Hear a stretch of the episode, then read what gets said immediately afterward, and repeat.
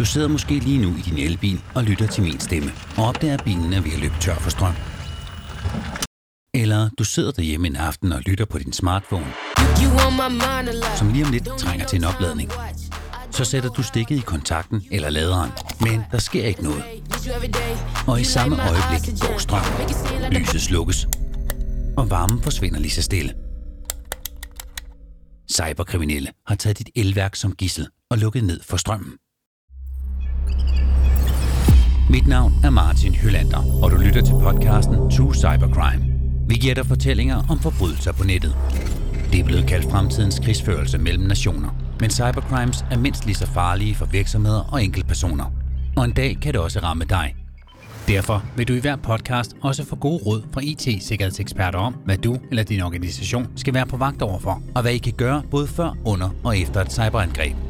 Podcasten er sponsoreret af TDC Erhverv, som tilbyder en bred portefølje af løsninger inden for kommunikationsteknologi, digital samarbejde og IT-sikkerhed, og er leverandør af IT-infrastruktur og sikkerhed til virksomheder og organisationer i Danmark. I afsnittet her vil du få råd fra en IT-sikkerhedsekspert fra TDC Erhverv, som måske kan inspirere dig og din virksomhed til at tage et ekstra tjek af IT-sikkerheden, og som gør, at I er klar næste gang, før I bliver angrebet. For der er desværre næsten altid en næste gang for et cyberangreb.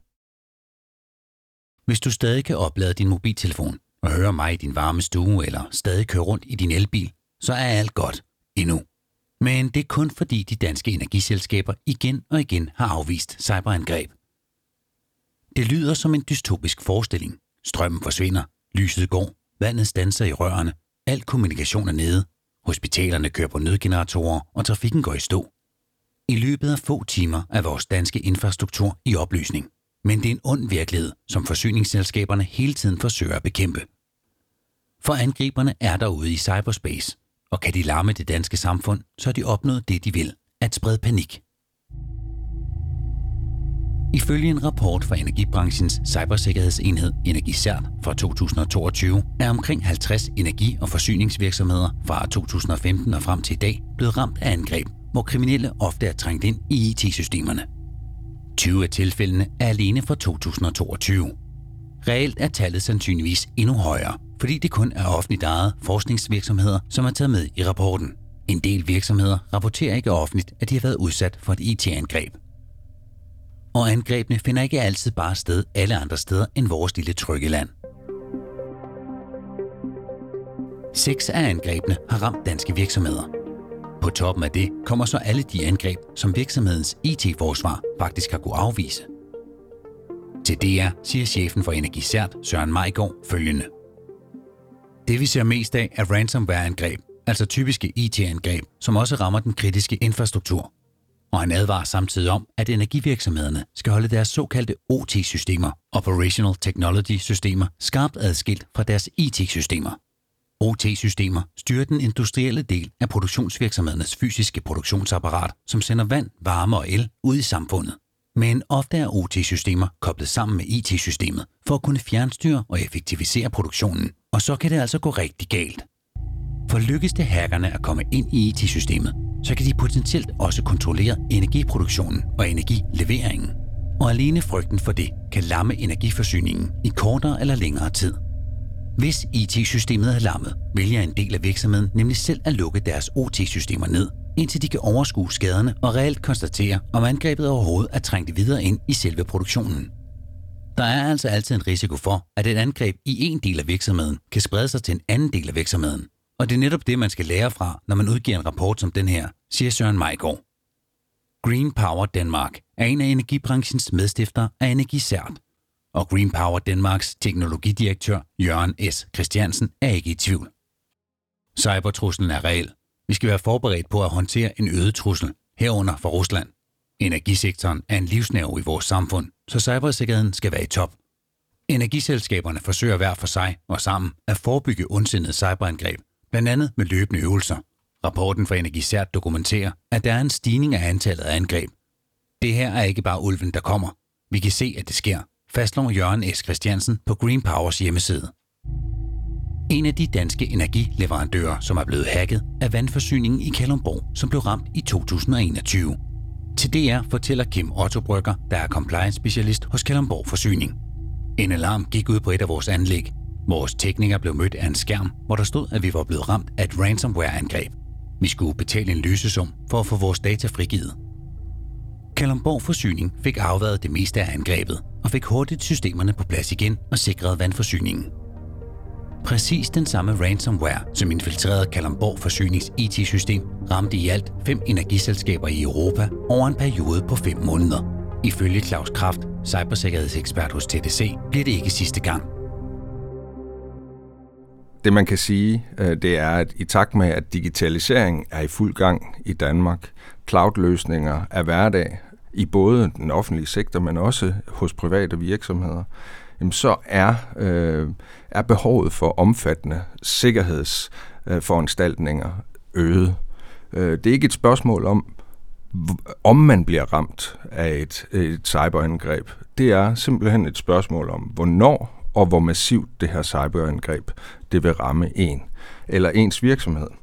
Virksomheder og, og, og enkeltpersoner bliver nødt til at forholde sig til, at vi er et, et mål, øh, vi er et mål for cyberaktivister i hele verden, og derfor der skal vi forberede os på, at det vil ske, og det gør man ved at være proaktiv. Det gør man ved at tænke på, hvordan er det, at jeg beskytter mig bedst muligt, men ikke mindst, når det sker, hvordan får jeg genoprettet mine data eller det, det der er essensen i min virksomhed, øh, hurtigst muligt og mest sikkert igen.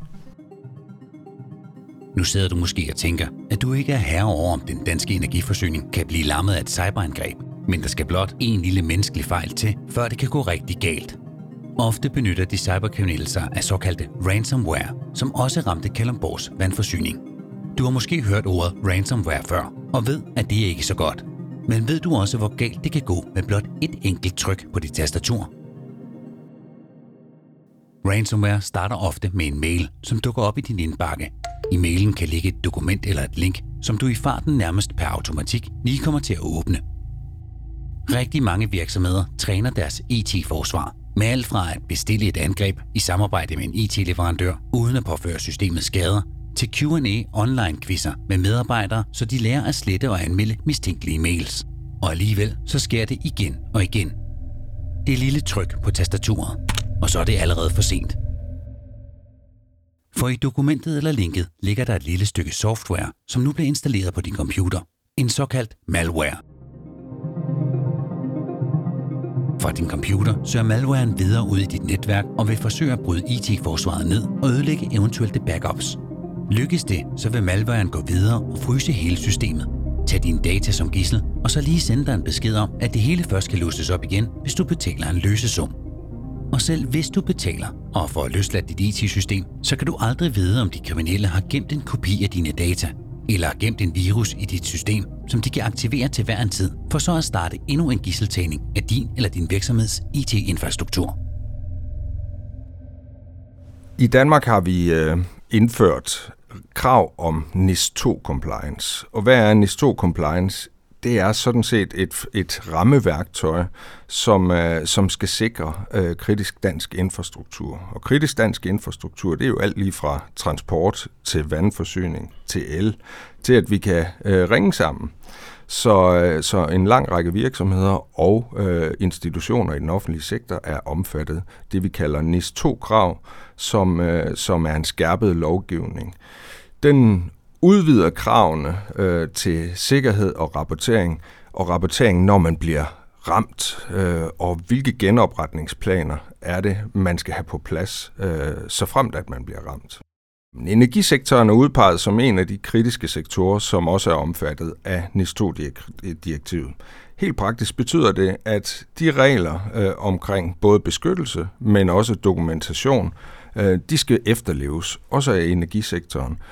Det skal de for både at beskytte sig selv og selvfølgelig også sikre forsyningen af, af energi til både borgere og virksomheder i Danmark. Så derfor der er det essentielt, også for energisektoren, at, at, at arbejde med de her processer og arbejde med den proaktivitet. NIS 2-direktivet er jo ikke kun øh, for, for at passe på eller for at stille større krav omkring sikkerhed til de store spillere eller til offentlige institutioner.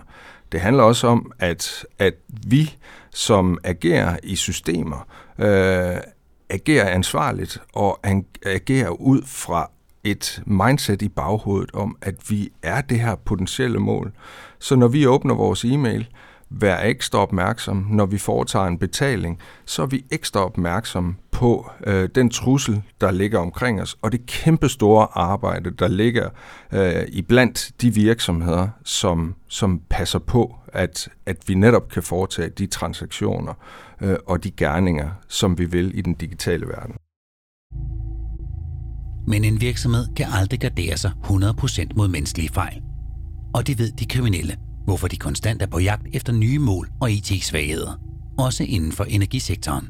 Fordi et land uden el, vand og varme er et land i knæ, og dermed også et oplagt mål for det, som Energistyrelsen selv kalder for ondsindede aktører.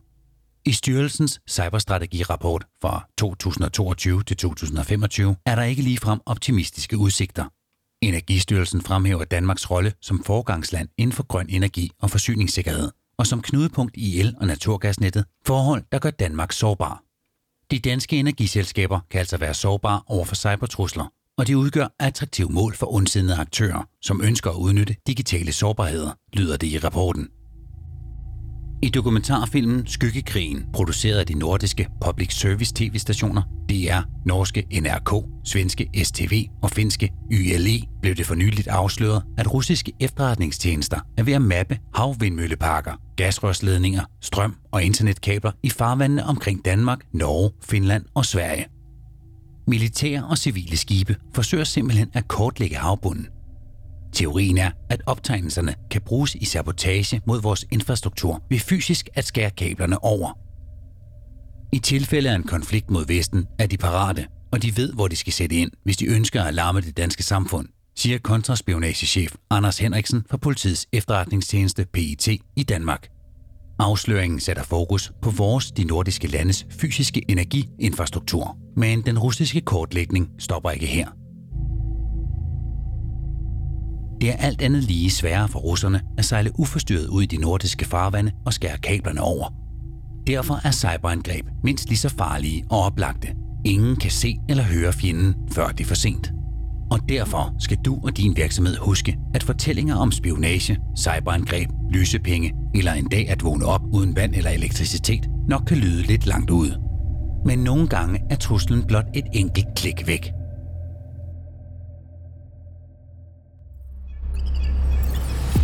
Du har lyttet til podcasten True Cybercrime. Dette afsnit er sponsoreret af TDC Erhverv. Podcasten er produceret af Heartbeats. Klipper af Sissel Brandt Hasberg, og mit navn er Martin Hylander. Og det er Thomas Stockholm, som står bag idé, research og manuskript.